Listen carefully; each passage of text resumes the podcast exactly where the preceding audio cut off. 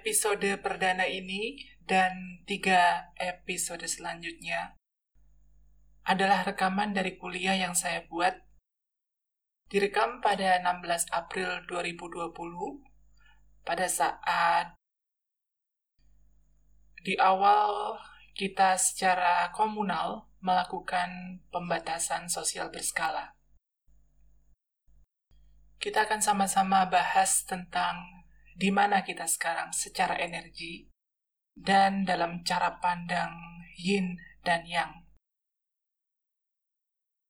Beberapa paparan mungkin tidak cocok dengan keadaan hari ini pada saat kita mendengarkannya sama-sama. Tapi saya yakin ada beberapa hal yang masih relevan dan masuk akal dengan keadaan saat ini. Silakan menyimak.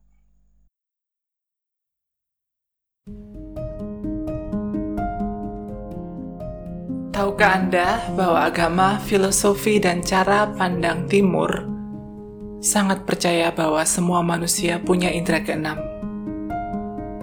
Indera keenam yang saya maksud bukanlah kemampuan atau keahlian melihat makhluk halus, jin, setan, atau meramal masa depan, atau hal-hal klinik lainnya.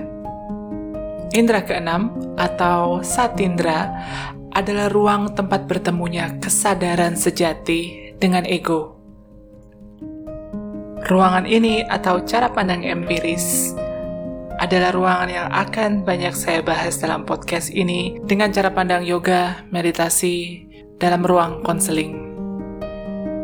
Saya Ajeng Herlianti, pemandu Anda menuju ke utara.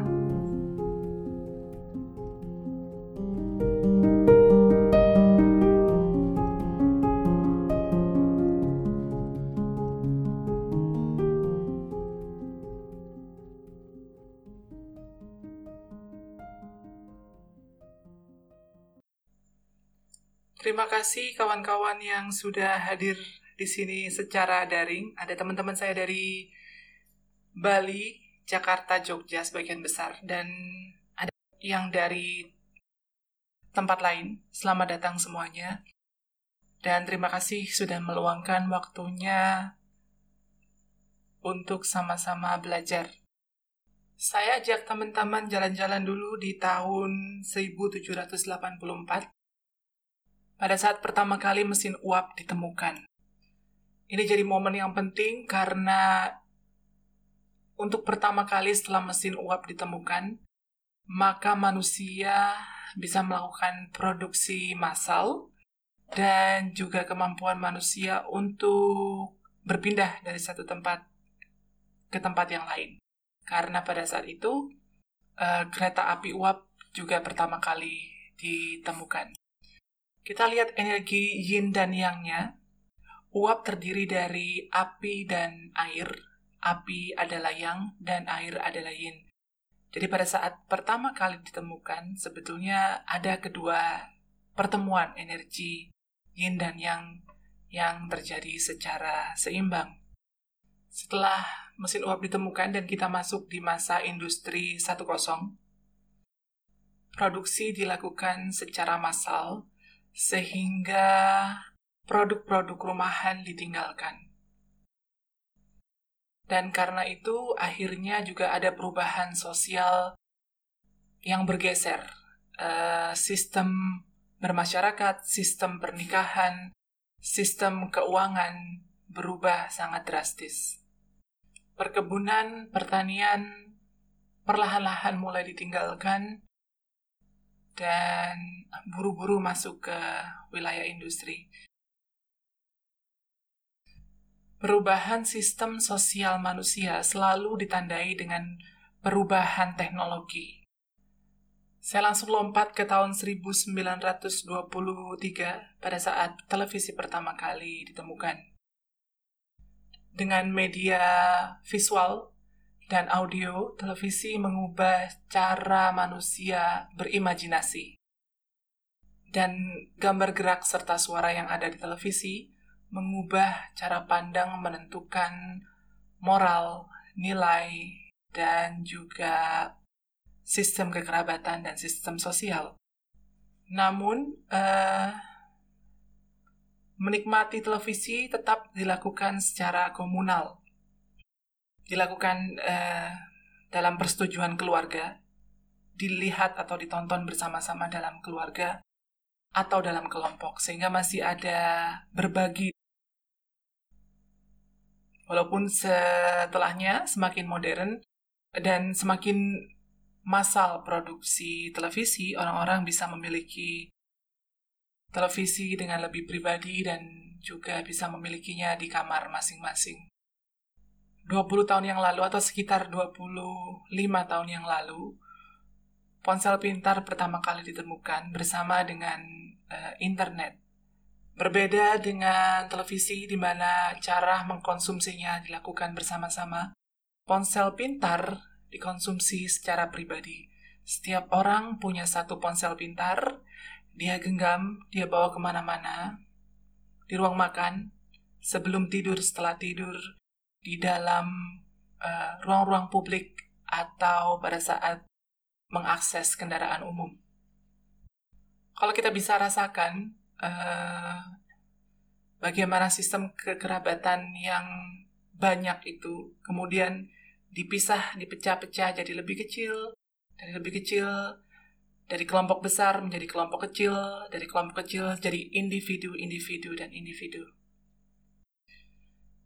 Diskoneksi atau ketidakterhubungan kemudian terjadi di masyarakat. Padahal kebutuhan kita sebagai manusia yang paling primer adalah bersekutu, berserikat, atau melakukan sesuatu bersama-sama. Karena ditolak ataupun diterima, kita sama-sama yakin bahwa kita adalah mamalia. Dan mamalia adalah makhluk sosial. Alasan kenapa kita mamalia, semua mamalia, dilahirkan, tidak ditelurkan. Hewan-hewan yang ditetaskan, induknya hanya menjaga pada saat mengerami. Setelah menetas, ada beberapa hewan yang uh, lebih canggih atau lebih modern yang merawat anaknya seperti ayam atau itik atau unggas. Tapi ada juga yang langsung meninggalkannya. Tapi kita manusia dilahirkan. Sejak pertama kali kita hadir di bumi, kita sangat tergantung dengan ibu kita, orang tua kita, atau orang lain. Kita tidak bisa langsung berdiri di hari pertama kita dilahirkan. Kita menunggu sampai 9 atau 10 bulan.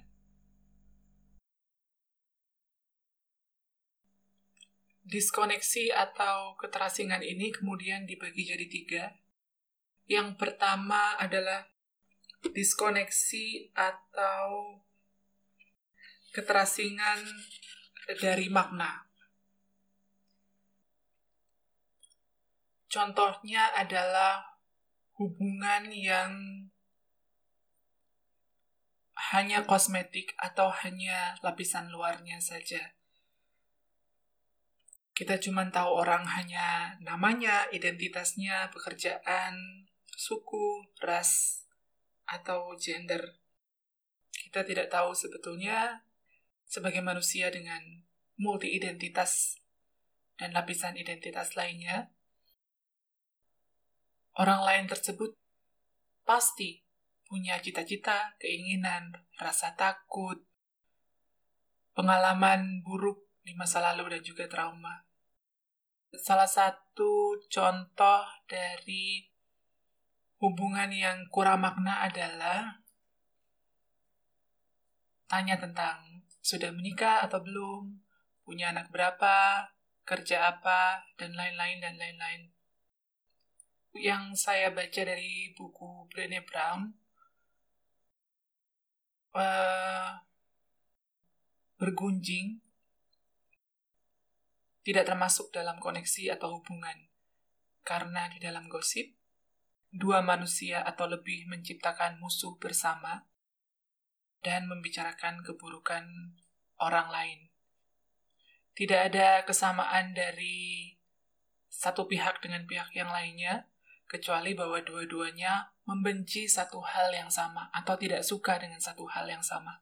Ini tidak bisa disebut dengan koneksi atau hubungan dan apa yang dibicarakan dalam gosip hanya bagian kulit atau bagian luarnya saja. Yang kedua adalah keterasingan dengan diri sendiri. Saya mengambil contoh uh, handphone tadi atau ponsel pintar tadi. Waktu saya masih kecil dan saya naik angkot, saya tidak punya telepon pintar. Yang saya lakukan adalah melihat ke jendela, proses kontemplasi, saya istilahnya melamun, tapi dalam lamunan itu ada perbincangan antara ego saya dan kesadaran saya. Selain itu, eh, emosi tidak pernah diajarkan di sekolah. Kalaupun diajarkan di sekolah, maka yang terjadi adalah mengubah, menghapus, atau memperbaiki emosi-emosi yang dianggap buruk. Contohnya marah dan sedih. Kebiasaan masyarakat kita membetulkan, meralat emosi yang dianggap negatif tersebut. Karena emosi buruk disembunyikan, maka ada rasa malu menunjukkan siapa jati diri manusia sebenarnya. Masyarakat terobsesi dengan melakukan hal yang benar atau menunjukkan hal yang dianggap benar tanpa diperbolehkan memahami atau mengkomunikasikan emosi-emosi yang dianggap buruk. Saya akan terus bilang emosi yang dianggap buruk ya, karena dalam kacamata psikologi manusia, pola pikir manusia, emosi adalah emosi. Tidak ada emosi buruk, tidak ada emosi negatif. Sama seperti getaran, vibrasi, atau energi tidak ada energi yang baik, tidak ada energi yang buruk. Yang ada hanya energi. Yang ketiga adalah keterasingan antara yin dan yang itu sendiri. Seperti yang tadi saya contohkan, ada pemisahan antara emosi yang dianggap buruk dan emosi yang dianggap baik. Kita bisa merasakan bahwa sekarang dunia modern kita saat ini ada pada energi yang yang sudah tinggi sekali. Titik jenuh dari energi yang. Prinsip yin dan yang. Di dalam yin, yin selalu ada yang, dan di dalam yang selalu ada yin. Jika energi yang sudah terlalu jenuh, ada di puncaknya, maka dia akan berubah jadi yin, atau sebaliknya logika jadi hal yang paling utama untuk menentukan uh, kehidupan kita sebagai manusia, termasuk tren atau dominasi dari biochemical, biokimia dalam bidang kesehatan. Jika saya sakit X, maka itu dikarenakan Y dan obat dari itu adalah Z. Itu yang terjadi dengan biokimia. Sementara kesehatan yang integratif, ada banyak hal yang harus dilihat, tidak hanya sekedar penyakit atau rasa sakit di tubuh, tapi juga emosi dan perkembangan batin. Jadi rumusnya sebetulnya adalah X terjadi, bisa jadi karena Y. Y atau gejala atau rasa sakit bisa saja terjadi karena X atau bisa pula bukan karena X. Karena tidak ada diagnosa yang pasti, maka obatnya tidak harus Y. Ada banyak pengobatan yang harus dilakukan. Pengobatan integratif ini sebetulnya sudah mulai diperkenalkan di dunia barat, di mana pasien yang mengalami penyakit Y tadi boleh diperbolehkan dapat obat Z, tapi juga diperbolehkan mengakses uh, pengobatan-pengobatan lainnya seperti tumbuh-tumbuhan atau jamu, meditasi, yoga, qigong, reiki, dan prana, dan lain-lain. Nah, dalam pengobatan integrasi, jika pasien sembuh atau membaik, maka tidak hanya satu penanganan tersebut diakui. Jadi pasien tidak sembuh karena obat ini, atau pasien tidak sembuh karena yoga atau pasien tidak sembuh karena minum jamu. Tapi pasien sembuh karena dia minum obat, minum jamu, ikut yoga, juga ikut meditasi. Di sini kita bisa lihat obat untuk menangani sebuah gejala. Tidak semua orang harus dapat resep generik. Nah, di sinilah sebetulnya uh, cara pandang yin atau pendekatan yin dilakukan. Sekarang kita lihat bagan yin dan yang ya. Seperti yang kita tahu, yang adalah maskulin, panas, aktif, api, matahari, siang, agresif.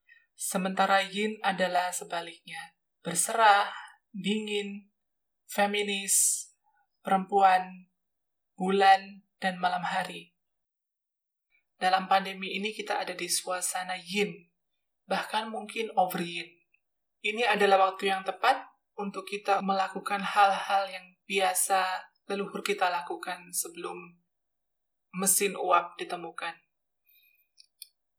Waktu yang tepat untuk meditasi, kontemplasi, berserah, dan melakukan kegiatan-kegiatan harian, kegiatan yang tetap kegiatan yang dengan lebih pelan-pelan dan hati-hati. Emosi-emosi yang muncul pada saat pandemi ini bukan emosi yang baru, tetapi emosi yang sudah ada namun direpresi atau disembunyikan. Jika sebelumnya single dan sedang mencari pacar, pandemi ini akan jadi waktu yang sangat kesepian dan terasing.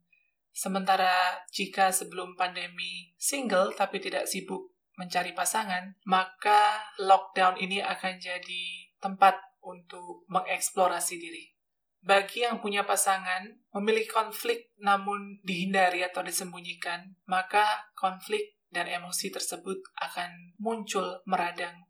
Bagi pasangan yang punya sedikit masalah, ini akan jadi tempat dan ruang untuk saling mengeksplorasi bagian lain dari pasangan. Tidak usah bingung, tidak usah membenarkan, tugas kita hanya mengalami.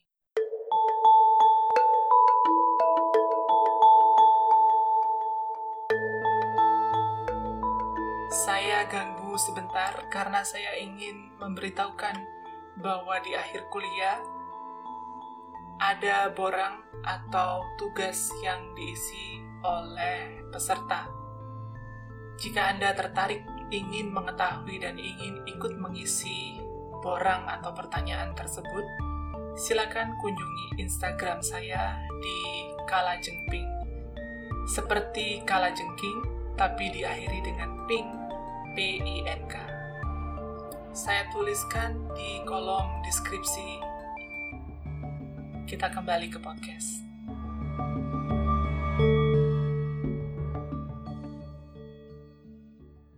Jangan mikir cari duit. Karena memang ini bukan waktunya cari duit. Kalau kita mikir tentang gimana caranya cari duit pada saat ini, biasanya kemungkinannya gagal.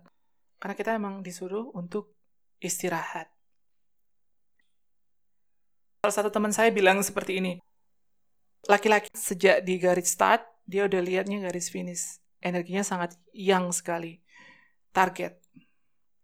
Sementara perempuan, dia yin. Kalau kita tujuannya mau ke sini, satu titik, terus kita mulai jalan, terus lihat di sebelah ada tukang jual kacang hijau gitu, kita bisa berhenti dan ke sana. Jadi banyak destruksi. Tapi di satu sisi juga fixing the broken along the curve. Jadi waktu kita jalan, ketemu belokan, ada yang nggak bener, kita pasti, yang yin, yang perempuan pasti membetulkan.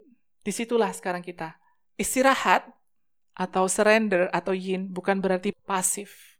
Justru yin mengajarkan kita untuk sangat aktif pada saat nggak ngapa-ngapain. Bagaimana cara tidur atau istirahat yang benar? Enggak, saya tidak hanya bilang tidur ya. Bagaimana cara istirahat yang benar? Pertama kita harus tahu kita mau istirahat dari apa. Dan kalau kita ngomong siklus, lingkaran, wajar kalau kita ada di atas, di samping, terus di bawah, di samping lagi. Itu wajar. Nggak ada yang selamanya di atas atau selamanya di bawah. Istirahat itu harus dilewati juga dalam rangkaian siklus. Full moon. Jadi kalau full moon istirahat. Kalau istirahat nggak diambil, siklusnya nggak diambil kan? Contohnya ada satu siklus yang nggak diambil ini. Ya dia macet di situ, nggak bisa ngapa-ngapain. Maka dari itu kita harus tahu kita mau istirahat dari apa. Cari tahu satu hal yang teman-teman selalu coba dan selalu gagal. Dan pada saat gagal, pingin nyoba lagi, pas pingin coba lagi, tambah gagal. Itu berarti butuh istirahat. Saya tidak bilang butuh menyerah, butuh istirahat. Lepaskan atau let go. Kenapa kategori ini dipilih? Karena itu kebutuhan dasar kita sebagai manusia. Feel safe, feel secure, acknowledgement. Kategorinya adalah cinta, karir, keuangan, kesehatan, atau keluarga. Saya membedakan antara karir dan keuangan karena banyak teman-teman yang kerja, pekerjaan yang dilakukan sekarang, kalian senang sama uangnya, nggak senang sama kerjaannya. Atau kalian senang sama kerjaannya, tapi nggak sama uangnya. Tapi 80% dari kalian pasti nggak suka uangnya dan nggak suka sama kerjaannya juga. Dan pada saat sudah tahu mau istirahat dari apa, jadi rasanya gini loh, mau dilanjutkan tapi nggak bisa kayak ada tembok gitu. Nah, itu berarti harus berhenti di situ, tangguhkan. Barangkali itu hal yang harus kalian kerjakan dengan pendekatan yang berbeda atau dengan niat yang berbeda. latihan latihan-latihan yang bisa kita lakukan untuk selaras dengan yin, karena kita ingin selaras dengan alam, dengan apa yang terjadi. Yang pertama adalah nerima uh, the new normal is not normal, but it's a new normal. Uh, komunikasikan emosi kalian dengan diri sendiri. Kalau tidak siap dengan orang lain, komunikasikan dengan diri sendiri. Emosi itu sangat halus, dia bukan badan tubuh kita. Dan jangan membiarkan orang menebak. Sampai kalian sendiri bilang, aku nggak suka dikituin, aku marah, aku sedih, aku kecewa, itu dia baru jadi lebih material. Ungkapkan emosi itu. Mulai dari ungkapkan ke diri sendiri. Kita terima. Kita terima bukan berarti kita setuju. Validasi bukan berarti agree. Slow down. Yin mengajarkan slow down. Salah satu manfaat meditasi adalah membuat kita jadi calm down. Jadi kayak kopi habis diaduk, terus sendoknya kita angkat, kopinya lalu turun. Nah, meditasi membantu kita untuk kayak si bubuk kopi itu. Tenang, sehingga hal-hal yang kecil bisa aware, kita bisa sadar. Yin dan meditasi mengajarkan kita untuk sadar dan pelan-pelan. Tidak ada yang absolut di antara yin dan yang. Di dalam yin selalu ada yang, dan di dalam yang selalu ada yin. Hanya karena saya perempuan, bukan berarti saya tidak punya yang, atau sebaliknya. Dengan mengamati energi yin dan yang, kita bisa berganti peran setiap saat, setiap detik, atau sepersekian detik. Tarian energi inilah yang disebut dengan keseimbangan, karena tidak ada yang absolut, bahkan tidak ada keseimbangan yang absolut.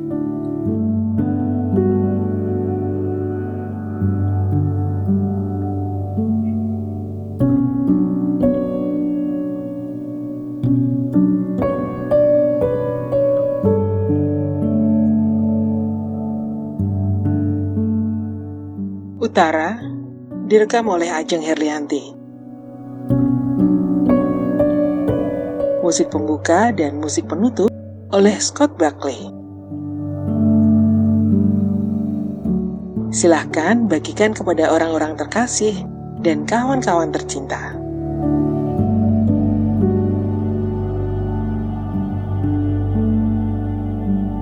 Saya Dina Widikirana untuk Ajeng Herlianti Production.